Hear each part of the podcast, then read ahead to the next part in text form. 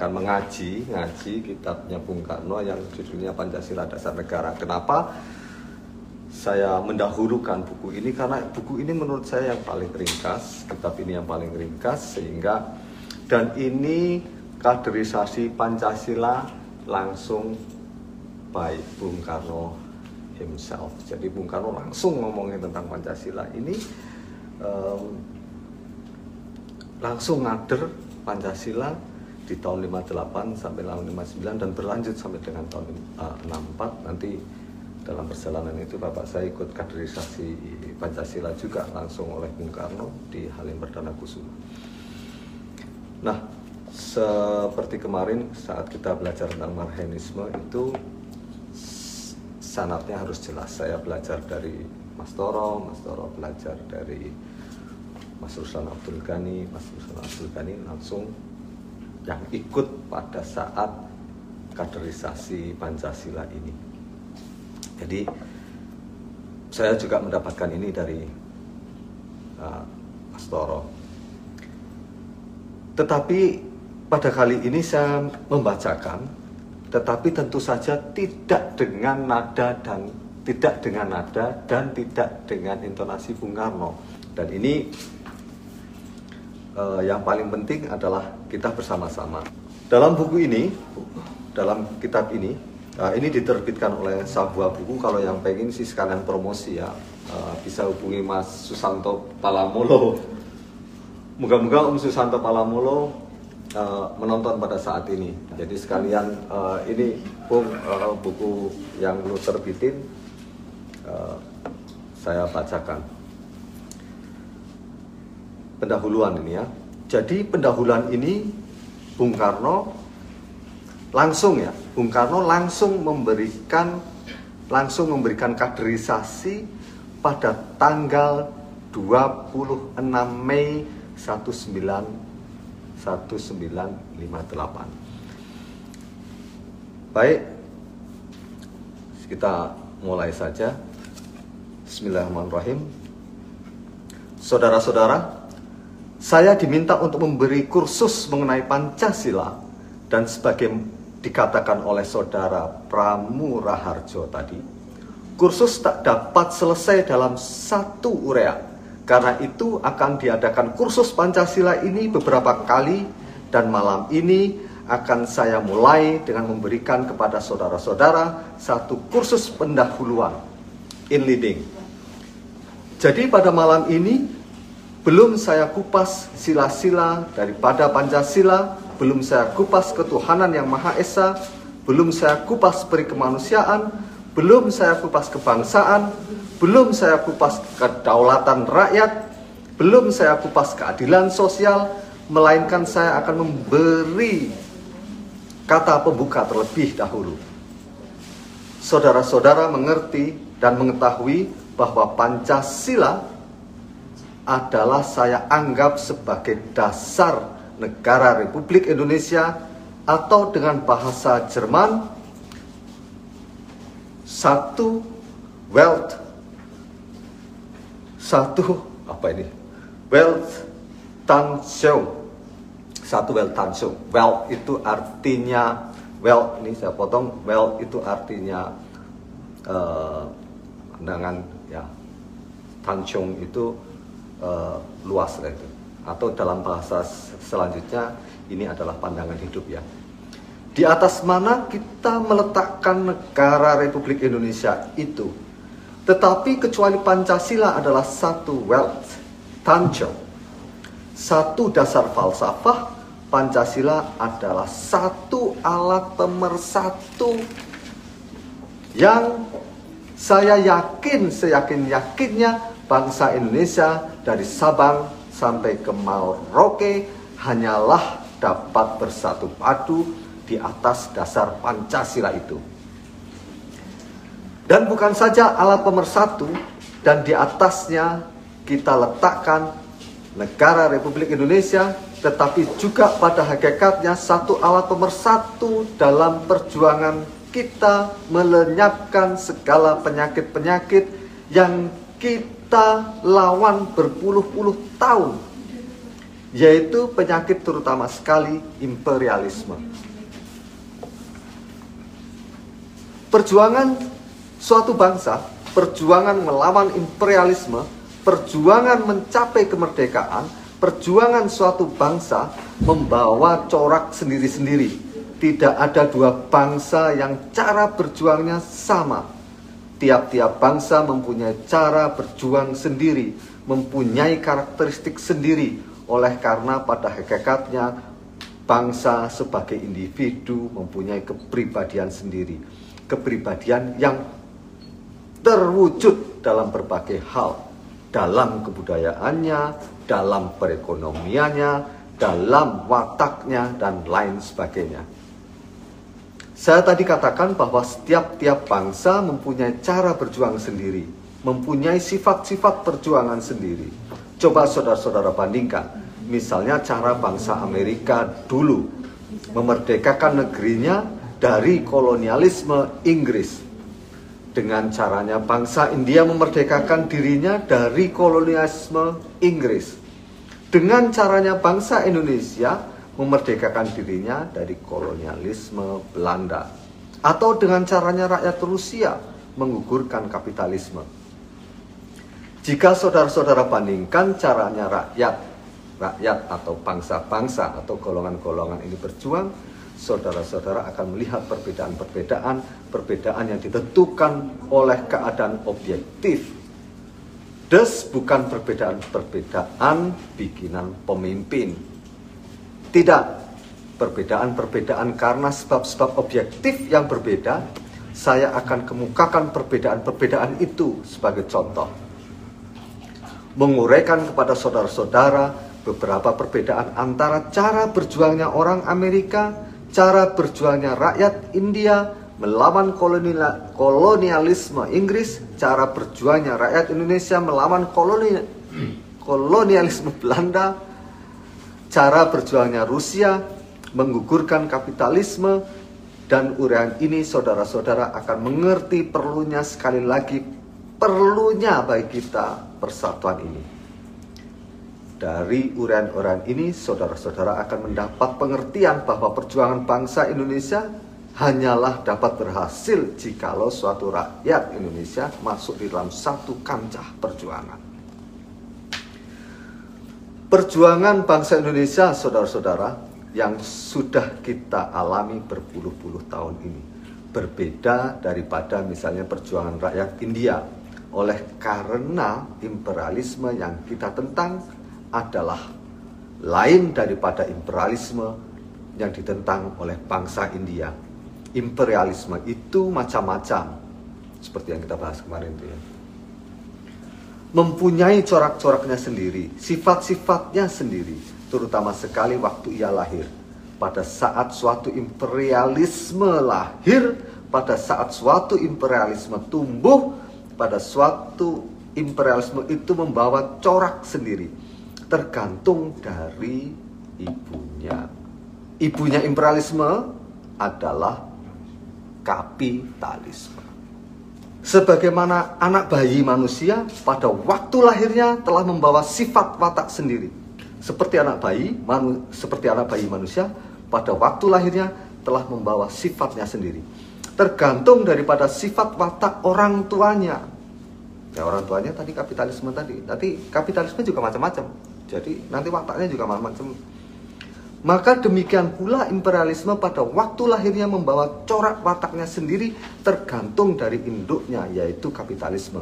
Nanti dalam pertumbuhannya, dalam bahasa asingnya, outgrow sifat dan watak imperialisme, imperialisme itu lantas mendekati satu sama lain. Outgrow itu kalau dalam uh, bahasa Inggrisnya outgrow, outgrow jadi hasil hasil pertumbuhan gitu ya bahkan kadang-kadang menjadi satu konglomerat dari imperialisme-imperialisme yang tidak mudah kita bisa bedakan sifat wataknya satu dari yang lain. Kalau kita melihat perjuangan rakyat atau lebih tegasnya orang Amerika menentang kolonialisme Inggris sehingga akhirnya bisa mengadakan Declaration of Independence sebagai yang saya ucapkan di dalam pidato 20 Mei yang lalu. Nah ini loh 20 Mei yang lalu karena Bung Karno ini bacain apa ngasih kaderisasi ini, ini kaderisasi Pancasila ini pada tanggal 26 Mei gitu ya. Jadi seminggu yang lalu. Pada tahun 1776 dan kita selidiki siapa yang sebenarnya berjuang, saudara akan melihat terutama sekali kaum atas yang berjuang. Jadi kaum atasan ya. Kalau bahasa kita kaum menengah atas yang berjuang. Bahkan ini kaum atas sekali yang berjuang. Revolusi Amerika bukan revolusi rakyat, tetapi revolusi kaum atas di bawah pimpinan Thomas Jefferson, Thomas Paine, George Washington, dan lain-lain revolusi mereka berhasil membentuk satu tentara yang tentara ini bertempur dengan tentara Inggris di Amerika dan yang akhirnya dapat mengalahkan tentara Inggris itu sehingga tentara Amerika itu bisa menang. Thus, revolusi Amerika terhadap kolonialisme Inggris adalah suatu revolusi yang tidak meliputi seluruh rakyat. Jadi jangan salahin nih Amerika. Amerika selalu militernya kuat. Karena apa? Karena asal muasalnya dari kelas elit sekali yang punya tentara.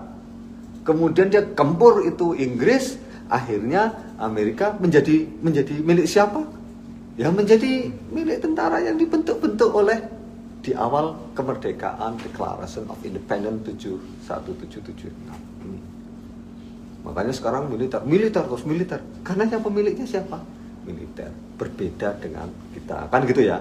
Jadi latar belakangnya sangat berbeda. Itu kenapa Amerika menjadi semacam ini dan kenapa Indonesia semacam ini dan India nanti semacam ini. Bagaimana dengan revolusi India? Saya memakai perkataan revolusi di dalam arti yang luas. Jangan mengira bahwa revolusi adalah selalu disertai dengan penggunaan senjata. Dalam arti yang luas, revolusi adalah perubahan yang hebat sekali dan cepat. Itu revolusi. Revolusi kan ya, perubahannya hebat dan cepat. Di dalam pidato pembelaan diri saya, Bung Karno ini, aku membacakan ini ya.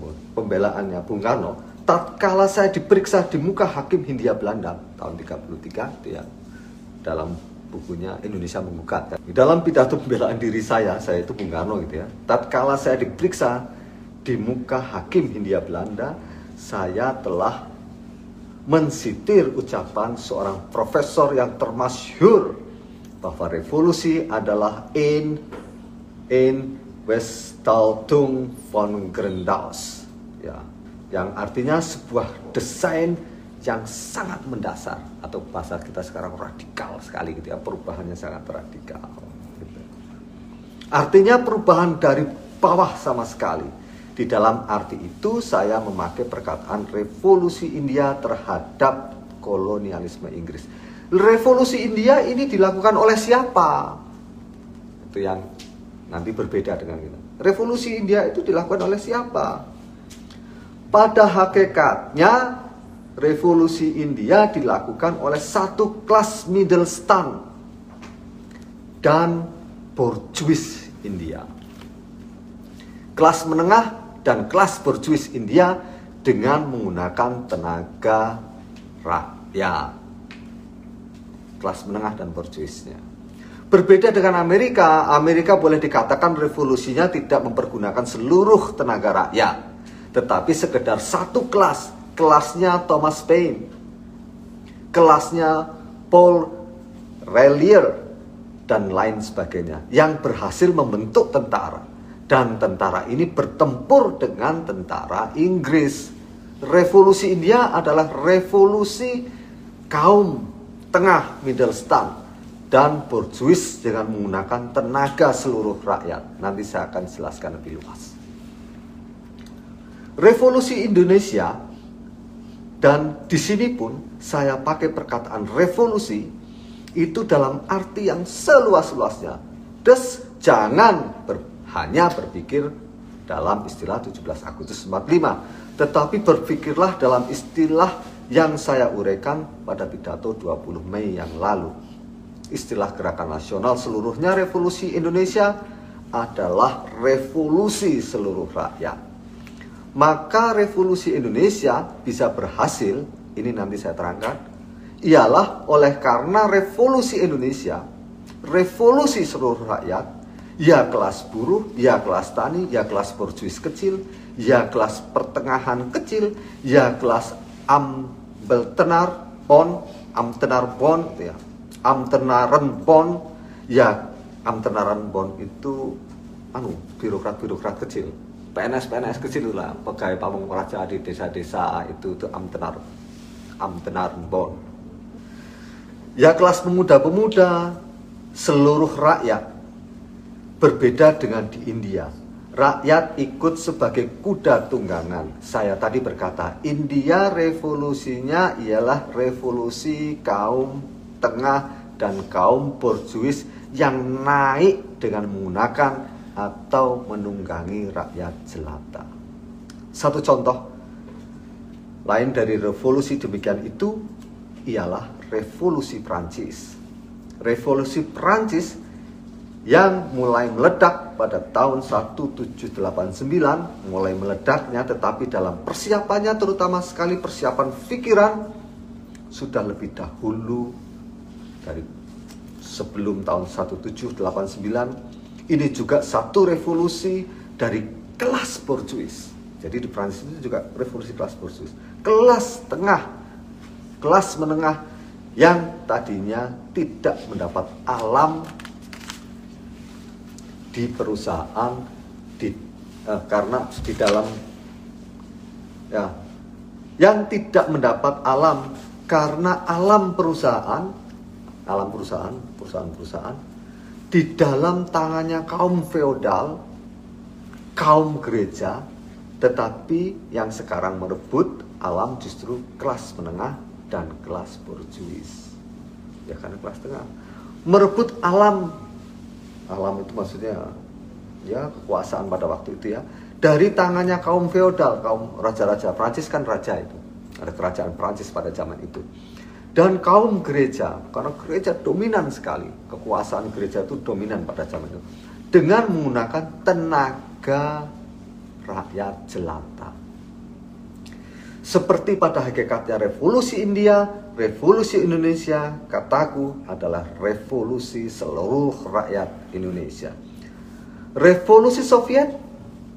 Saya lebih setuju memakai perkataan revolusi Soviet dan janganlah memakai perkataan revolusi Rusia sebab tatkala saya di Uni Soviet di Soviet Uni saya mengucapkan Soviet Rusia saya diprotes oleh orang-orang yang berasal dari Uzbekistan dari Georgia.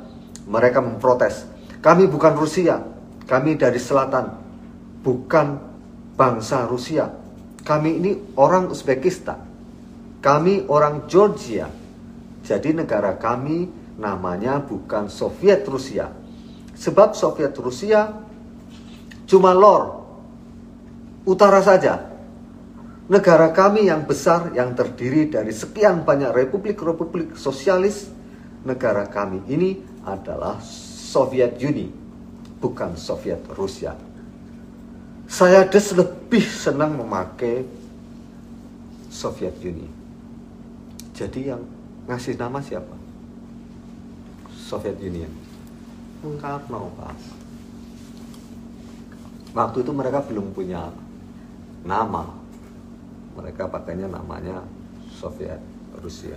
Nah, revolusi Soviet bukan revolusi Rusia, tetapi revolusi Soviet adalah revolusi kelas proletar. Ya, kelas proletar. Jadi proletar itu orang yang bekerja tetapi dia sendiri tidak memiliki akses terhadap kepemilikan di mana tempat dia bekerja. Enggak cuman banyak tuh dokter-dokter yang cuman bekerja begitu juga, gitu ya.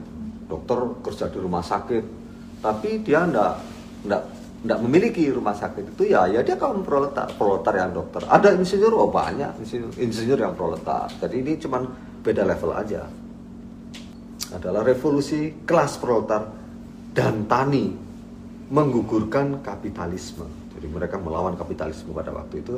Rusia pada waktu itu dikuasai oleh Tsar, oleh Tsar. Terus di dalam revolusi Soviet ini apa yang dinamakan burjuis bukan saja tidak ikut. Tadi kan yang di India sama di Prancis kan revolusinya yang menggerakkan burjuis. Nah ini di Rusia beda lagi.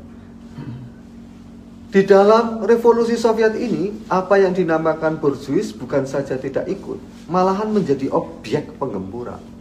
Malah yang diajar itu malah kelas burjuis ini. Ya. Dari beberapa contoh ini, saudara-saudara merasakan dan melihat perbedaan-perbedaan. Saya tadi berkata bahwa tiap-tiap revolusi membawa sifat dan wataknya sendiri yang ditentukan oleh keadaan-keadaan objektif.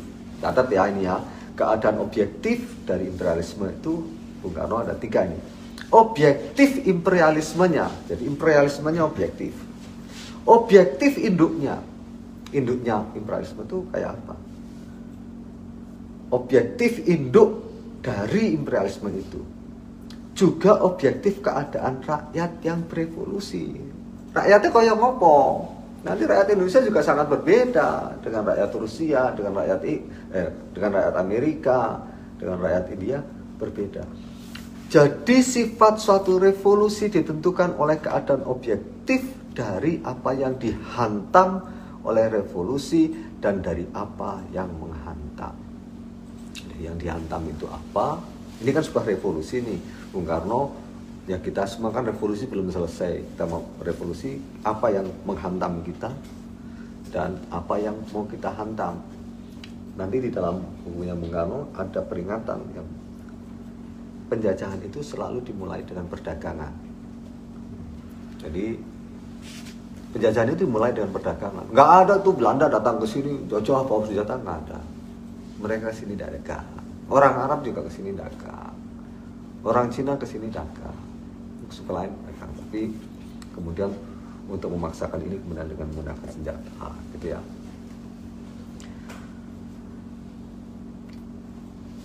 Dari sifat corak tertentu revolusi ditentukan oleh keadaan objektif dari apa yang dihantam tadi ya, dihantam oleh revolusi dan dari apa yang menghantam. Keadaan yang dihantam yaitu imperialisme itu berbeda-beda saudara-saudara. Membawa corak-corak sendiri dan corak-corak ini ditentukan oleh induknya kataku tadi. Kalau kita melihat imperialisme di dunia ini dan sebagaimana tadi saya katakan, terutama sekali saya melihat pada waktu ia lahir, bukan terutama sekali pada saat ia sedang outgrow, sedang tumbuh tadi, pada saat ia lahir tegas dan jelas ada perbedaan-perbedaan. Perbedaan-perbedaan saya ulangi dari induk-induknya pula kapitalisme, saudara-saudara mempunyai corak objektif tergantung dari keadaan bahan imperialisme itu. Suatu negeri misalnya saudara-saudara yang penuh dengan bahan-bahan untuk kapitalisme terutama bahan-bahan yang dinamakan bahan-bahan dasar. Nanti tergantung dari keadaan buminya gitu ya bahan-bahan dasar basis Grondstoffen. Besok kan kan ada yang baca di sih mengukur bagian alimnya pironya sih. Kapitalisme misalnya berbeda dengan suatu negeri yang kekurangan basis Grondstoffen. Grondstoffen itu raw material uh, bumi, raw material. Jadi uh, itu Jadi penjajahannya bergantung juga jadi kita yang kaya, alamnya kaya dan lain sebagainya ini ancaman negeri ada yang dari Papua itu. Ya. Ada. Wah, kaya raya itu ancaman. Bukan kok ayah alamnya kaya terus kau pasti hidup sejahtera. Oh, bisa tidak. Bisa menjadi ancaman untuk orang yang tinggal di atasnya, bisa dihabisi juga. Oh, ada. Belanda juga uh, zaman VOC Eh, di satu daerah uh, penduduknya sekitar 14 ribu. Yang 13 ribu dihabisi tinggal seribu. Itu pun laki-laki semua. Untuk pekerja doang. Itu itu terjadi. Jadi tidak selalu ya karena imperialisme itu dasarnya malah itu gitu kayak Grondstoffen tadi bukan. Ada negeri yang kekurangan basis Grondstoffen, toh mempunyai kapitalisme yang basis Grondstoffennya itu. Ia terutama sekali ambil dari negeri lain, beli dari negeri lain. Awalnya sih beli. Nah, kalau harganya meningkat ya tembak yang punya, kan gitu ya. Jadi kan awalnya sebenarnya. Negeri yang demikian ini mempunyai kapitalisme lain dari negeri yang basis Grondstoffennya banyak. Amerika. Saudara-saudara, Inggris, negeri Belanda, Spanyol, dan lain-lain negara adalah negara yang mempunyai kapitalisme. Oleh karenanya menjalankan imperialisme. Saya ambil contoh Amerika, Inggris, negeri Belanda, Spanyol. Sebagai klasik Furbelden ketoknya bener gitu ya? Nggak tahu juga sih. Ini eh, ini habis dari bahasa bahasa Jerman terus ke bahasa Belanda ya klasik Belden. Contoh-contoh klasik daripada kapitalisme dan imperialisme. Amerika dulu mempunyai koloni-koloni. Inggris mempunyai koloni-koloni. Ini motor sudah tak coret-coret Inggris mempunyai empire yang di situ matahari tidak pernah terbenam karena luasnya empire-nya, karena luasnya kerajaan Inggris. Jadi matahari tak pernah tenggelam. Di sana tenggelam, di negeri Inggris yang satunya sudah terbit matahari lagi. Di mana matahari terbenam, sudah lantas terbit lagi. Di sana terbenam, di sana sudah terbit lagi. Itu masih Inggris terus. Negeri Belanda mempunyai koloni, Spanyol dulu banyak koloninya sekarang tinggal beberapa restan. Restan itu ya mereka sengaja kurangi karena ketidakmampuan uh, dalam negeri. Masing-masing mempunyai sifat corak-coraknya sendiri. Apa sebabnya? Sebab ialah sebagai saya katakan induknya, kapitalismenya mempunyai corak sifat-sifat sendiri dan apa sebab induknya mempunyai corak sifat sendiri itu? Oleh karena negerinya mempunyai sifat corak sendiri-sendiri, terutama sekali mengenai bahan-bahan Grondstoffen untuk imperialisme itu. Jadi bergantung nih, kayak Inggris, Spanyol, uh, kemudian Amerika, penjajahan juga bergantung pada sumber daya mereka. Kalau negerinya miskin, dia akan cari negeri yang kaya, kan itu ya. Jadi bergantung pada induknya, induknya macam mana nanti diterangkan oleh Bung Karno bagaimana Amerika yang kaya, bagaimana cara Amerika menjajah sebagai negara kaya. Inggris rada kaya, menjajahnya pun berbeda uh, dengan Belanda yang rada miskin. Berbeda lagi dengan Portugis yang miskin sekali. Saudara kita yang di Timor Leste dulu dijajah Portugis. Itu Portugis itu karena miskin sekali jadi kejam sekali. Dikit-dikit pentung penjara, dikit pentung. Antar bahkan sempat yang di dalam penjara itu lebih banyak daripada yang di luar. Tidak seperti kita, kita masih sedikit beruntung meskipun ya konyol juga. Ya. Apa toh basis Grondstoffen kapitalisme itu? Ya terutama sekali biji besi. Nah, kita punya toh sumber, apalagi biji emas, wah, selesai. Bakalan dijajah terus menerus biji eh, batu arang. Batu arang sekarang itu batu bara gitu ya. Saya terjemahkan. Batu arang itu kan dulu bahasanya bukan sekarang batu bara. Entah kapan jadi dari batu arang menjadi batu bara. Berarti kan memang sudah di diobong mungkin jadi batu bara metal-metal logam-logam lain dan lain-lain. Itu adalah basis Grondstoffen bagi kapitalisme. Amerika adalah satu negeri yang penuh dengan basis Grondstoffen Amerika itu berarti negeri kaya. Penuh dengan basis-basis ini. Ya mana biji-biji paling banyak Amerika batu bara Amerika metal-metal lokal-lokal di Amerika. Lo pokok menjajah. Ah, nanti ada kenapa dia harus menjajah gitu loh Inggris demikian pula Inggris juga juga kaya tetapi lebih kurang tapi lebih kurang itu maksudnya tetapi lebih sedikit dari Amerika batu bara punya, biji besi punya, tetapi tidak begitu banyak. Ini Inggris ya. Sehingga banyak membeli biji besi dari Ruhr, dari Jerman. Itu kenapa kemudian nanti akhirnya perang dengan Jerman. Masalahnya apa? Biji besi. gitu loh. Ruhr. Bahkan pada tahun 1914 sampai 1918 ada peperangan besar yang dinamakan peperangan dunia pertama. Tak lain tak bukan ialah rebutan biji besi di Ruhr. Hati-hati ya yang daerahnya kaya. Ruhr, debate negeri Belanda adalah satu negeri yang basis grondstoffennya lebih kurang lagi. Ya. Belanda itu kurang banget ya. Biji besi tidak ada. Ini di Belanda tidak ada biji besi. Harus beli dari Ruhr, dari Jerman tadi. Batu bara sedikit. Hanya ada di Limburg. Limburg itu Belanda bagian selatan. Spanyol adalah satu negeri yang basis grondstoffennya lebih sedikit lagi. Biji besi tidak ada, arang batu tidak ada. Masih mending Belanda tadi. Belanda di bagian Belanda selatan itu masih di Limburg, di provinsi Limburg, uh, Belanda bagian selatan masih ada batu bara. Tapi Spanyol kagak ada sama sekali.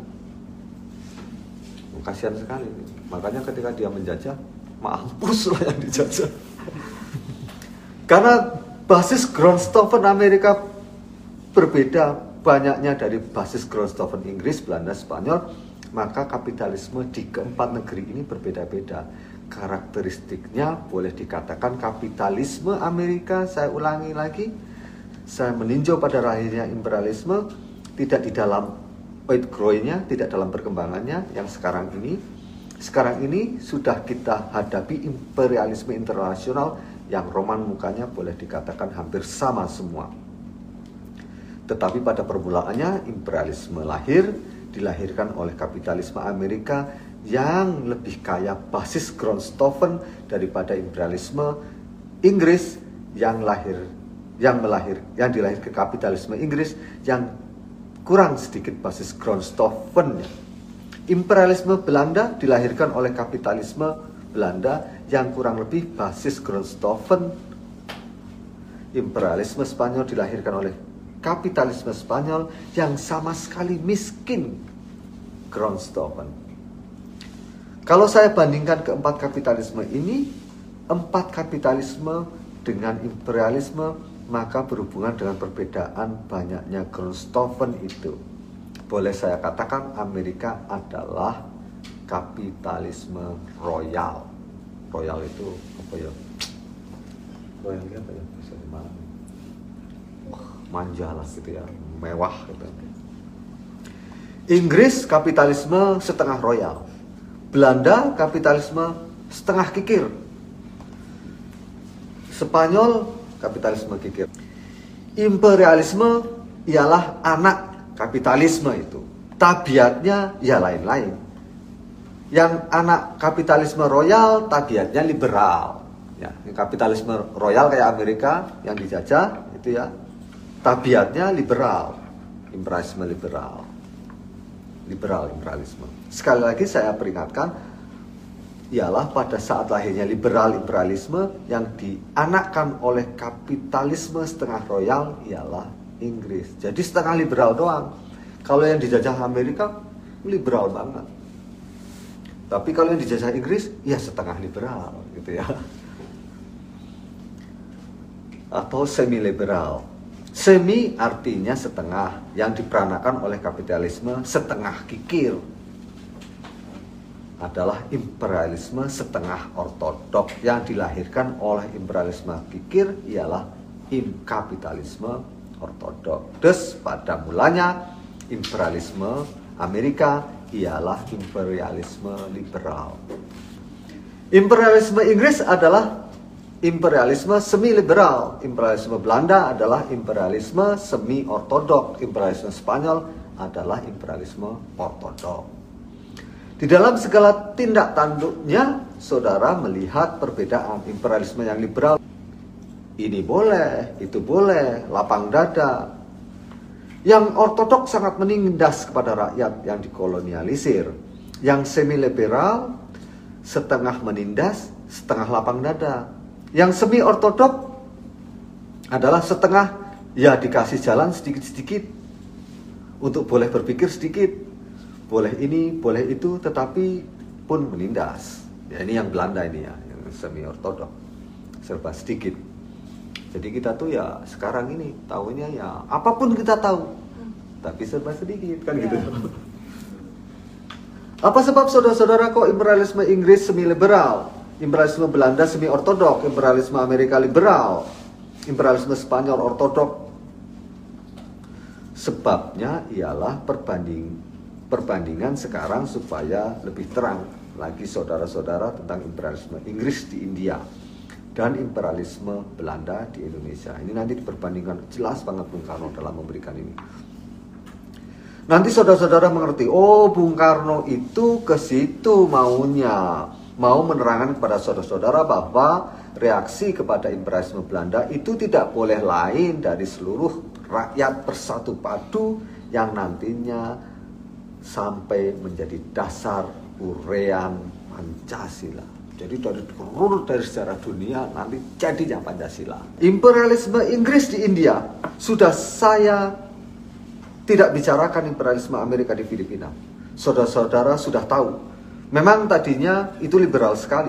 Tatkala Filipina jatuh di tangan imperialisme Amerika, lekas mereka buka sekolah ini, buka sekolah itu, buka ini, buka itu. Kesan pada rakyat Filipina, laksana, bolehlah ini, bolehlah itu. Sudah di dalam tempo 1904 sampai tahun 1947 kurang dari 50 tahun Filipina menjadi satu bangsa yang merdeka tetapi ya dengan beberapa injeksi-injeksi dari Amerika. Sebaliknya kita melihat di India sampai ada perjuangan rakyat yang hebat, di Indonesia pun ada perjuangan yang hebat. Di Filipina dulu ada perjuangan rakyat Filipina yang hebat menentang imperialisme Spanyol yang ortodok itu tadi. Imperialisme Spanyol itu sama dengan imperialisme Portugis. Sekarang ya di Timor wah ortodoknya bukan main. Di Pulau Timur itu misalnya salah sedikit masuk penjara dengan rantai dibelenggu sampai sekarang. Jadi waktu itu itu masih masih belum merdeka waktu itu. Ini tahun 58 itu Timor belum merdeka, gitu ya. Jadi sampai Coba kalau saudara datang di bagian timur di Atambua yang hanya beberapa kilometer dari daerah koloni Portugis, saudara mendengar keluhan rakyat di sana. Bukan main caranya rakyat ditindas, tidak diberi banyak sekolahan. Cuma beberapa sekolah main penjara, main penjara. Persis seperti imperialisme Spanyol di Filipina dulu ortodok. Saudara mengetahui sejarah dari pemimpin-pemimpin Filipina yang menentang Spanyol namanya Dr. Joyce Rizal misalnya yang ditembak Zonder banyak protes oleh orang Spanyol mbak doang nggak usah banyak protes banyak protes. Oh iya iya dor gitu doang. Mati ini dokter Joyce Rizal. Jadi Indonesia lebih lebih dia masih harum diingatan kita. Ia adalah pemimpin besar rakyat Filipina menentang imperialisme Spanyol yang ortodok. Saudara mendengar nama pemimpin Apollo Mario Mabini. Juga pemimpin Filipina menentang imperialisme Spanyol saudara mendengar nama Aquinaldo, juga pemimpin Filipina menentang imperialisme Spanyol. Memang perjuangan rakyat Filipina menentang imperialisme di waktu imperialisme Spanyol ortodok. Sebaliknya, rakyat Filipina yang berjuang terhadap imperialisme Amerika tidak sehebat perjuangan yang telah dilakukan di bawah pimpinan Rizal, Aquinaldo, atau Mabini. Sebabnya ialah perbedaan antara sifat corak imperialisme itu. Ini udah banyak istilah-istilah. Sekarang saya mau jelaskan kepada saudara-saudara lebih jelas imperialisme Inggris di India, imperialisme Belanda di Indonesia. Saya tadi telah berkata kepada saudara bahwa Inggris adalah negeri yang basis groundstoffernya boleh dikatakan cukup. Inggris itu lumayan kaya.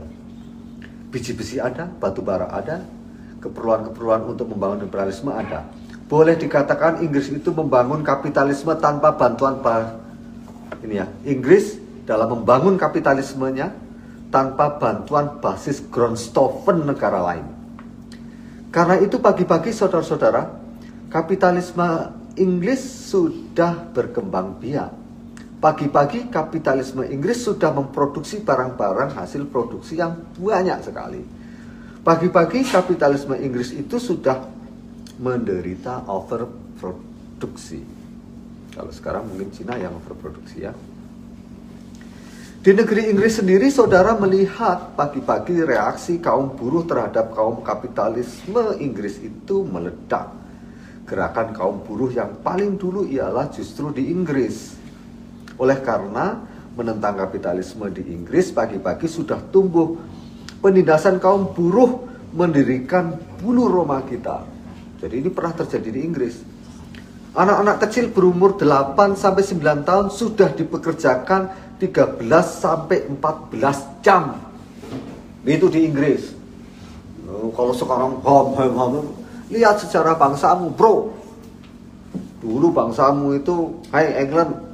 Nah, itu 8 until 9 years old they must work 30 hours until 14 hours a day. Ya, That's your history. Gerakan kaum buruh dimulai di Inggris. Gerakan kaum buruh revolusioner tetapi gerakan kaum buruh yang di, yang dipimpin oleh Robert Owen ya Robert Owen ya Robert Owen itu saya sudah ini pengusaha tekstil jadi yang memulai siapa bukan rakyat jelata nih seorang pengusaha tekstil yang kemudian dia iba, iba, iba kepada karyawannya sendiri. Tetapi dia tidak bisa apa-apa, akhirnya dia memimpin. Dipimpin oleh orang-orang seperti Cale Hardy. Cale Hardy itu uh, dia juga pendiri ya, kemudian uh, pendiri ILP, Independent Labour Party, tahun 1893 di British, di Inggris. Sydney Webb dan istrinya Patrice Webb. Ini ini ya kelas kelas elit. Uh, Sydney Webb itu adalah baron.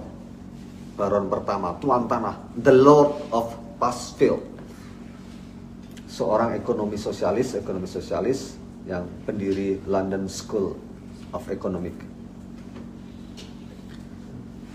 dan kemudian gerakan ini bertumbuh menjadi Labour Party di dalam bidang politiknya gerakan kaum buruh di Inggris pagi-pagi telah bangkit oleh reaksi terhadap imperialisme Inggris yang pagi-pagi sudah tumbuh tadi. Bahkan imperialisme Inggris ini pagi-pagi sudah menderita penyakit overproduksi. Terlalu banyak produksi yang bisa dijual di Inggris sendiri. Cap made in England dulu sangat masyhur. Made in England belakangan baru muncul made in Germany ya made in Jerman gitu ya. Semuanya itu kemudian menjadi asal sebab dari peperangan dunia pertama. Jadi overproduksi. Jadi hati-hati sekarang gitu ya. Dunia sekarang yang overproduksi mana? Cina, Amerika, kan itu ya. Dua negara itu overproduksi. Dulu awal mulanya perang dunia pertama diawali Inggris overproduksi. Dia butuh jual barangnya. Jerman juga sama, butuh jual barangnya perang. Sekarang mirip-mirip kan, gitu ya. Saingannya begitu hebat sampai meledak menjadi peperangan. Tapi pagi-pagi sudah kita melihat made in England, produksi yang banyak sekali dan tidak bisa dijual habis di tanah Inggris. Maka made in England kita bisa baca di segala barang, terutama sekali barang-barang terbuat dari besi. Dulu ini, martil. Karena tadi ground stoppernya, material rohnya di Inggris itu banyak, biji-besi banyak. Dan saingannya di Jerman, besi-besi kan gitu ya. Martil buatan made in England, gunting made in England. Dulu saya masih ini, gunting bapak saya, bapak saya tuh, eh si mbak saya jahit itu guntingnya masih tulisan made in England. Mesin jahit, oh ya made in England. Butterfly, made in England. Singer, made in England. Kan masih masih ingat kan ya? Masih ada lah sekarang. Ya, segala barang-barang made in England. Demikian pula hasil tenun. Saudara-saudara mengetahui bahwa setiap mesin uap, mesin tenun mula-mula Inggrislah mula-mula Inggrislah didapatkan orang. Sebagai munculnya dari aktivitas kapitalisme ini, mesin uap, mesin pintal, mesin tenun, made in England semuanya. Hasil dari pemintalan dan penurunan ini menjadi barang-barang yang terbaik seperti barang-barang wool mengalami juga overproduksi wool. Wool aja mengalami overproduksi. Tidak bisa habis dijual di Inggris, dicarikan pasar di luar Inggris. Ini awal imperialisme. Sampai sekarang saudara-saudara mengetahui bahwa wool Inggris yang paling jempol. Nah, kapitalisme di situ saudara-saudara pagi-pagi subur, tetapi pagi-pagi pula menghadapi overproduksi. Pagi-pagi des ternyata mencari pasar untuk overproduksi di luar negeri. Dan ini yang namanya imperialisme. Imperialisme dalam arti yang modern. Nah, sekarang yang penting yang saudara-saudara harus pegang betul, desimperialisme Inggris yang datang ke India seperti diketahui rakyat India pada waktu itu belum ada 300 juta tetapi 250 juta. Toh menjadi pasar yang hebat 230 juta manusia yang harus membeli overproduksi ini. Jadi Inggris datanya kepada yang penduduknya banyak yang overproduksi ini. Terus imperialisme Inggris ke India itu terutama sekali adalah imperialisme dagang atau handle imperialisme. Membawa barang ke India untuk dijual ke India Nah, agar supaya rakyat India membeli barang-barang overproduksi ini yang berupa gunting, pisau, sepeda, mesin jahit, bahan pakaian, agar supaya rakyat India bisa membeli, suka membeli, ingin membeli, maka politik imperialisme Inggris di India adalah politik yang lain daripada imperialisme Belanda di Indonesia. Agar supaya bangsa rakyat suka membeli, Koop Will dan Koop Krah mampu membeli dan kemampuan membeli bangsa itu tidak boleh dimatikan sama sekali. Karena kan harus dikayakan agar bisa beli. Rakyat India dibuat dijadikan satu bangsa tidak mati kutu sama sekali. Sebab kalau mati kutunya, mati kutu sama sekali tidak bisa membeli. Karena itulah imperialisme Inggris di India pagi-pagi sudah mengadakan sekolah, bahkan pagi-pagi telah mengadakan university. Jadi ini nanti dampaknya jauh berbeda sama sekali. Saudara-saudara dapat membaca di dalam kitab sejarah India bahwa waktu kita di sini belum mendengar namanya sekolah tinggi dan nama university di India Inggris sudah buka beberapa university. Gop dan Gop dari rakyat Koprah itu kemampuan membeli ya. Goodwill itu keinginan membeli dari rakyat India tidak dimatikan sama sekali. Tetapi saudara-saudara, India adalah suatu bangsa yang telah mempunyai satu kelas menengah dan kelas borjuis yang hendak tumbuh ditimpa. Jadi di sana ada kelas menengah dan ditimpa oleh barang-barang hasil overproduksi Inggris. Kelas menengah mereka sudah ada nih Padahal kelas menengah dan kelas borjuis India ingin mencari laba, membuat uang, mencari uang dari penjualan barang-barang kelas menengah dan kelas borjuis India sendiri. Jadi kelas menengahnya mereka sudah ada. Jadi yang paling merasa mendapat saingan dari imperialisme Inggris itu ialah justru kelas menengah, kelas borjuis yang op common. Of common itu ya yang yang tersingkir gitu ya. Yang dari India sendiri. Oleh karena itu gerakan mentang imperialisme Inggris mula-mula terutama sekali keluarnya dari kelas ini yang kemudian membentuk India India National Congress pada tahun 1885 pimpinannya ialah kaum kapital ya kamu kapital yang nah, pabriknya dia misalnya kayak aku terus barang-barang Cina ini bisa datang ke sini kosmetik Cina ke sini. Yang tentang kosmetik Cina ya apa? Aku lah pasti. Mana nih bos? Kosmetik Cina dibiarkan ke sini. Saya menggalang kalian-kalian. Saya danain buat demo kan gitu. Kelas menengahnya. Ini terjadi di India pada waktu itu. Bukan bukan kelas bawah. Karena Inggris masuknya mau dagang kan gitu ya beda nanti dengan bangsa kita Saya tidak bicara tentang Gandhi. Itu belakangan, Gandhi itu belakangan. Tetapi pemimpin-pemimpin India yang mula-mula itu semuanya kapitalis-kapitalis. Semuanya pengusaha-pengusaha. Ya kayak kalau misalnya kosmetik banjir, oh tak biaya demo sampean. Stop, kosmetik Cina berbahaya, kan gitu ya. Iya. Itu kelas menengah. Uh, ya, jadi mulanya semuanya pengusaha-pengusaha. Orang-orang kaya itu dibantu oleh miliuner-miliuner. Misalnya Tata. Ngerti kan Tata? Hasilnya mobil sekarang aja Tata ada kan ya. Pengusaha besi. Dari Tata itu dari ini ya, dari apa Mumbai. Uh, Tata yaitu satu pengusaha miliuner membawa keras kepada gerakan ini. Oleh karena Tata pun merasa mendapat saingan hebat dari produksi Inggris, produksi besi dari Inggris. Tata ialah pengusaha besi. Oh, tadi martilnya Inggris, guntingnya Inggris masuk. Oh, marah lah dia. Pabriknya besar di Yansipur. Yansipur itu ya, yes, pokoknya di India lah. Yansipur saya juga nggak paham di Yansipur di mana. Dia membuat kalau Bung Karno paham lah, saya sih hanya baca ini nggak paham lah. Dia membuat barang besi, membuat gunting, membuat pisau, membuat meja dari besi, bikin ini, bikin itu. Loh, ini import dari Inggris, terutama sekali dari Birmingham. Wah, terus Tata ya sangat merasa mendapat saingan. Tata membantu kepada gerakan ini.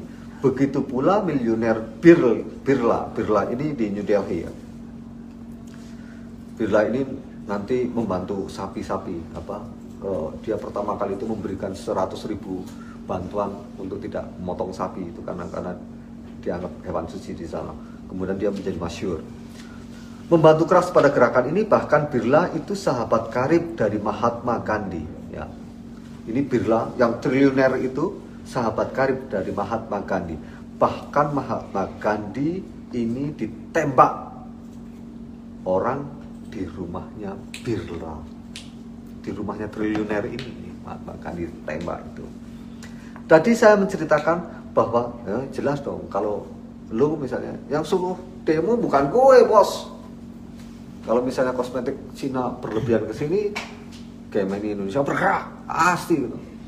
Yang ditembak lu tokoh-tokoh gerakannya lu. Saya birlanya yang membiayai dari belakang itu kan. Lalu pas lu ke rumah gue yang ditembak lu ya bukan gue. Ya itu. Tadi saya ceritakan bahwa gerakan dari kaum menengah dan borjuis di India ini menunggangi rakyat India. Ya kayak ini nanti kalau kosmetiknya Cina dibiarkan tanpa sensor ya saya tunggangi kalian. Ya.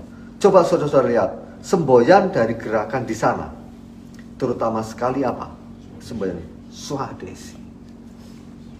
Ya tentu gerakan Swadesi tentu mempunyai harga moral yang tinggi sekali bagi bangsa.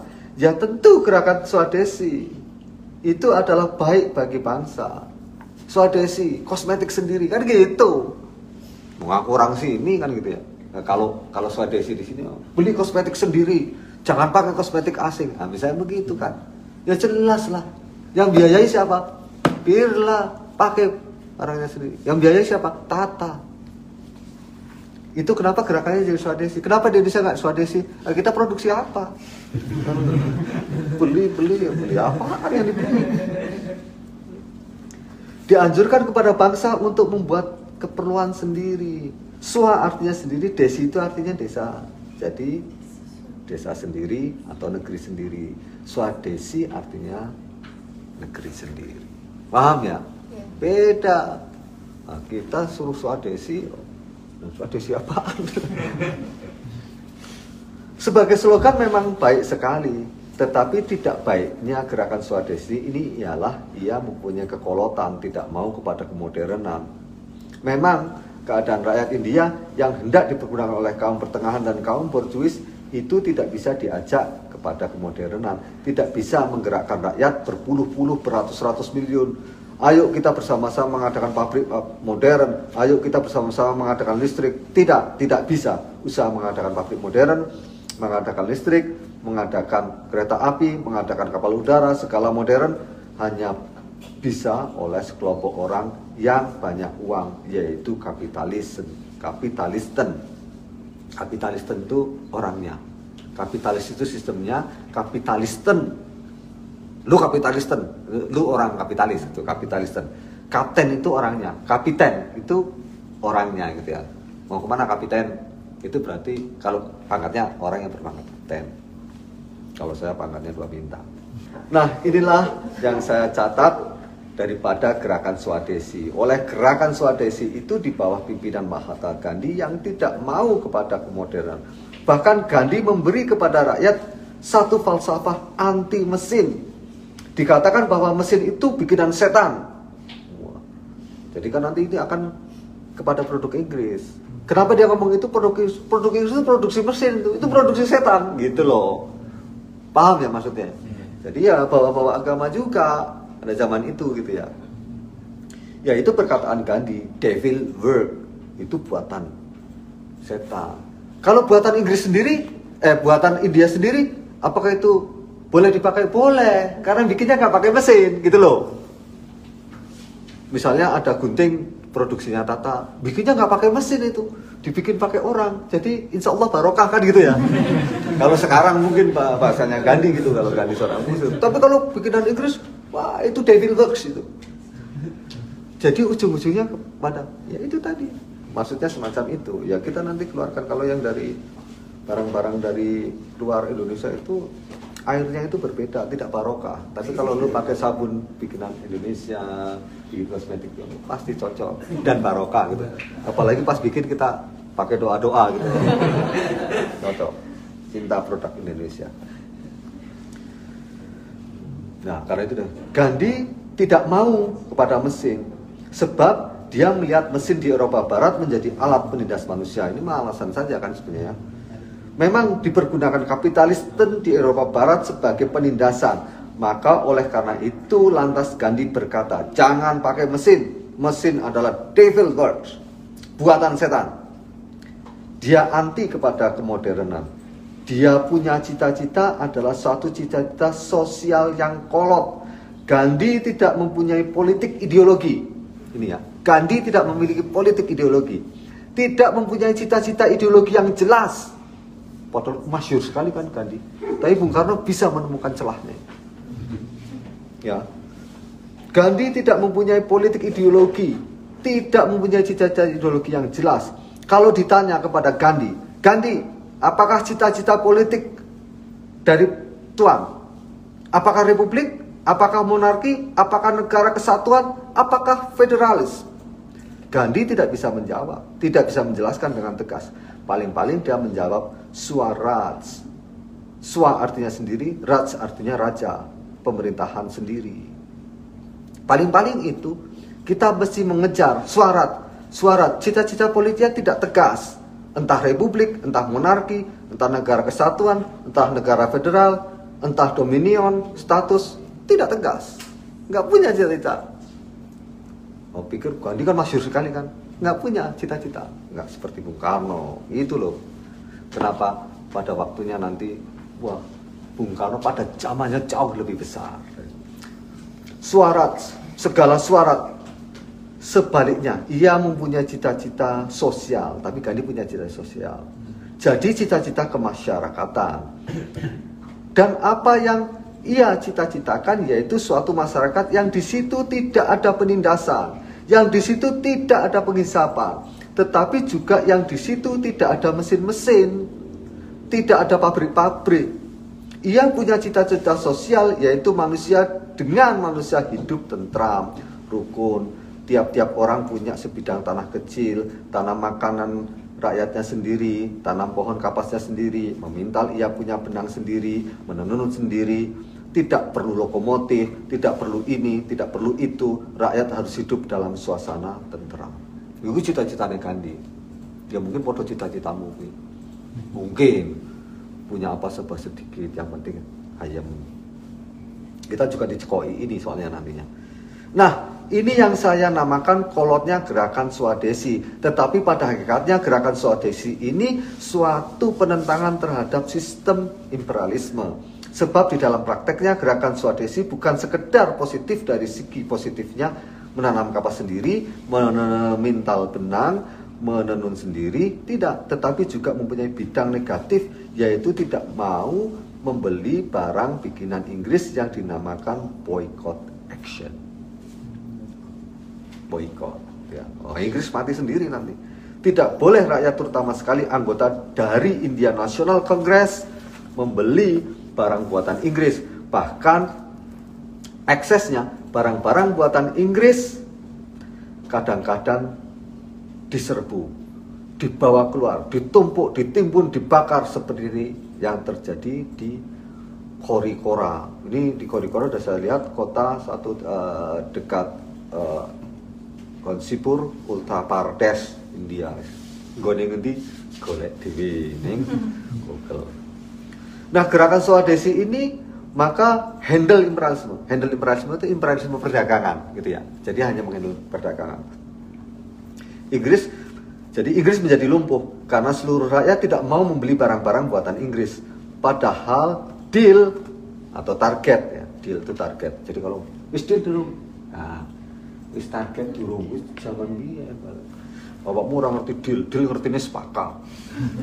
Gitu, deal itu target, target daripada handle imperialisme Inggris agar supaya rakyat India membeli barang-barangnya ditentang oleh gerakan Swadesi, diboykot barang-barang Inggris dan rakyat India mengadakan gerakan Swadesi positif, membuat barang sendiri.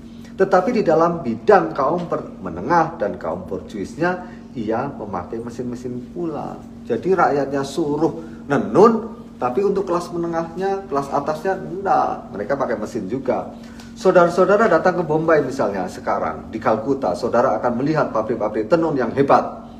Tata yang begitu membantu dengan uang kepada gerakan Gandhi, ia adalah industrial, industrial ya, besi yang besarnya hanya dikalahkan, yang besarnya, sangat besarnya hanya dikalahkan oleh industrial Jepang, Yuwata Kaisha jadi gede sekali. Tata sampai sekarang gede sekali Tata. Mobilnya aja banyak di sini. Mobilnya yang kuat sekali karena besinya asli. Terus saudara-saudara jelas gerakan India adalah gerakan sebenarnya dari kaum menengah dan kelas borjuis yang timbul dengan menggunakan rakyat jelata. Ada baiknya saya di sini menerangkan kepada saudara hal kenapa gerakan India tidak menggunakan kekerasan. Mengapa nggak pakai kekerasan? Nah, rusuh dagangannya dewi orang apa ini? Aku juga nggak suka kekerasan. Pengusaha kayak saya pasti nggak suka. Kalau rusuh kosmetikku nggak laku, kan gitu ya. Hmm. Oh, rusuh, kalau rusuh, wah, aku punya telur tidak laku. Telur yang organis nggak laku. kalau ada kerusakan, jadi pengusaha itu pasti nggak suka rusuh, kan gitu ya. Terus garamnya Om Adi itu juga nggak laku. Terus uh, berasnya Om Adi juga nggak bakal laku kalau ada rusuh. Atau kalau nggak tahu kalau itu rusuh tambah makannya banyak ya kurang tahu juga memang saudara-saudara situasinya lain dari kita. Kita menggunakan kekerasan menggunakan physical revolution. Karena kita pada bulan Agustus menghadapi imperialisme yang hendak kembali. Jadi hanya bulan Agustus saja. Jadi tidak ada perang sebelum kemerdekaan. Adanya perang itu setelah kita menyatakan merdeka. Paham ya? Dalam sejarah. Nggak ada itu perang kita melawan Belanda sebelum tahun 45 nggak ada. Tapi setelah kita nyatakan merdeka 17 Agustus 45, setelahnya kita baru perang melawan Belanda. Karena kita melawan siapa? Melawan imperialisme yang mau kembali. Tadinya kan sudah merdeka. Kita ada Jepang, kemudian merdeka. Jadi sebelum itu nggak ada perang. Apalagi di Bung Karno nggak ada. Memang ya tadi physical revolution. Bahkan di waktu pendudukan Jepang dan tidak boleh saudara-saudara lupakan kita tiga setengah tahun mendapat kesempatan baik untuk melatih eh, kita punya sendiri persenjataan. Di India tidak. Kesempatan demikian itu tidak ada. Bahkan sekali lagi Gandhi keluar dengan ia punya falsafah yang bukan saja menentang devil works yang berupa mesin berupa segala hal yang modern tetapi juga menentang penggunaan kekerasan. Ia punya falsafah ialah yang dinamakan sebagai ahimsa, tidak boleh menggunakan kekerasan dan bukan saja kekerasan fisik, bahkan menggunakan kekerasan batin juga tidak boleh. Wah, ini kekerasan batin saking lembutnya. Jangan menyakiti hati orang lain. Begitu pula jangan menyakiti badan orang lain. Akhirnya yang di dalam pemunculan bidang politiknya berupa berupa gerakan satyagraha. Satyagraha artinya setia pada kebenaran. Bagaimana setia kepada kebenaran? Tidak mau ikut atau membantu orang yang salah. Tidak mau ikut, tidak mau membantu orang yang salah. Dus di dalam bidang politiknya dengan kerjasama dengan pihak Inggris sebab pihak Inggris itu salah. Jadi maksudnya itu. Jadi pakai nama satu, kau harus berpegang pada kebenaran. Jangan bekerja sama dengan orang yang salah. Siapa yang salah? Inggris. Nah, jadi akhirnya ke sana. Does non cooperation. Lah ini perkataan yang termasyur non cooperation. Jangan bekerja sama dengan pihak yang salah mau jadi amtenar Inggris, keluarlah, letakkan kau punya jabatan.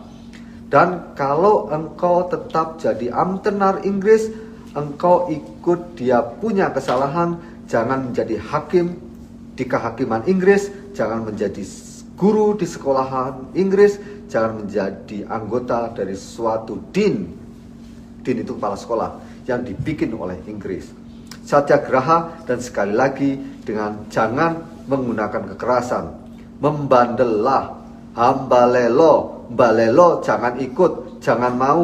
Jikalau kau ditangkap, ya sudah, biarlah masuk di dalam penjara. Biarlah jangan melawan. Dipukuli polisi-polisi di sana pada zaman itu sama dengan polisi Belanda di sini. Mempunyai pentung yang namanya lati.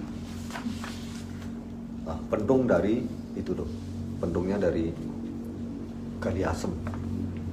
Meskipun engkau punya kepala hampir pecah kena pukul, latih, jangan membantah, membandelah ambalelo.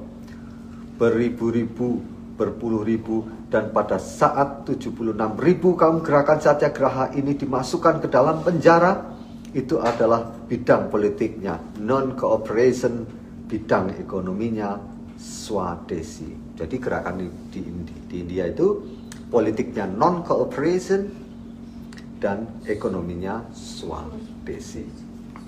Nah, begitulah asal mulanya gerakan India oleh karena menghadapi handle imperialisme. Kita bagaimana? Kita sekarang mulai mengurangkan kita sendiri, persatuan dari setiap golongan, sedang di India kaum pertengahan dan kaum borjuis yang merasa mendapat saingan dan pukulan hebat dari impor handle imperialisme yang menentang kepada handle imperialisme Inggris ini dengan menggunakan rakyat India agar rakyat India tidak mau membeli barang-barang bikinan Inggris. Swadesi Satyagraha memang akhirnya berhasil. Pihak imperialisme Inggris kewalahan pada tahun 1947. 47 loh, kita 45 kan gitu ya. 47 India diberi kemerdekaan yang mempunyai dominion status. Pun masih dominion status. Dan di dalam tahun 1950 tanggal 26 Januari oleh rakyat India dominion status diganti dengan Republik India tetapi masih di dalam Commonwealth. Nah, itu India. Bagaimana dengan Indonesia? Nah, kita lanjut minggu depan. Ya, uh, teman-teman yang ya, mungkin ada yang nonton, nggak ada yang nonton sih sebenarnya nggak terlalu penting gitu ya. Yang paling penting uh, pesan saya uh, untuk teman-teman yang di MPR RI banyak loh teman-teman saya, Mas, Mas Sarah, ya Bung Basara utamanya lo lo harus, sosialisasikan ini. Ini Pancasila by Bung Karno. MPR RI nggak punya ini DPR RI nggak punya ini uh, teman-teman partai nggak punya uh, Pancasila yang oleh Bung Karno sendiri yo. Mangetan. oke ya uh, kira-kira begitu. Saya akhiri sebelum kita tutup tutup yang online loh ini. Tapi ya nggak apa-apa ini pura-puranya pura-puranya bubar juga. Padahal kan habis ini justru dimulai diskusinya. Ya kita akhiri dengan assalamualaikum warahmatullahi wabarakatuh. Dan salam nasional kita. Merdeka! Merdeka.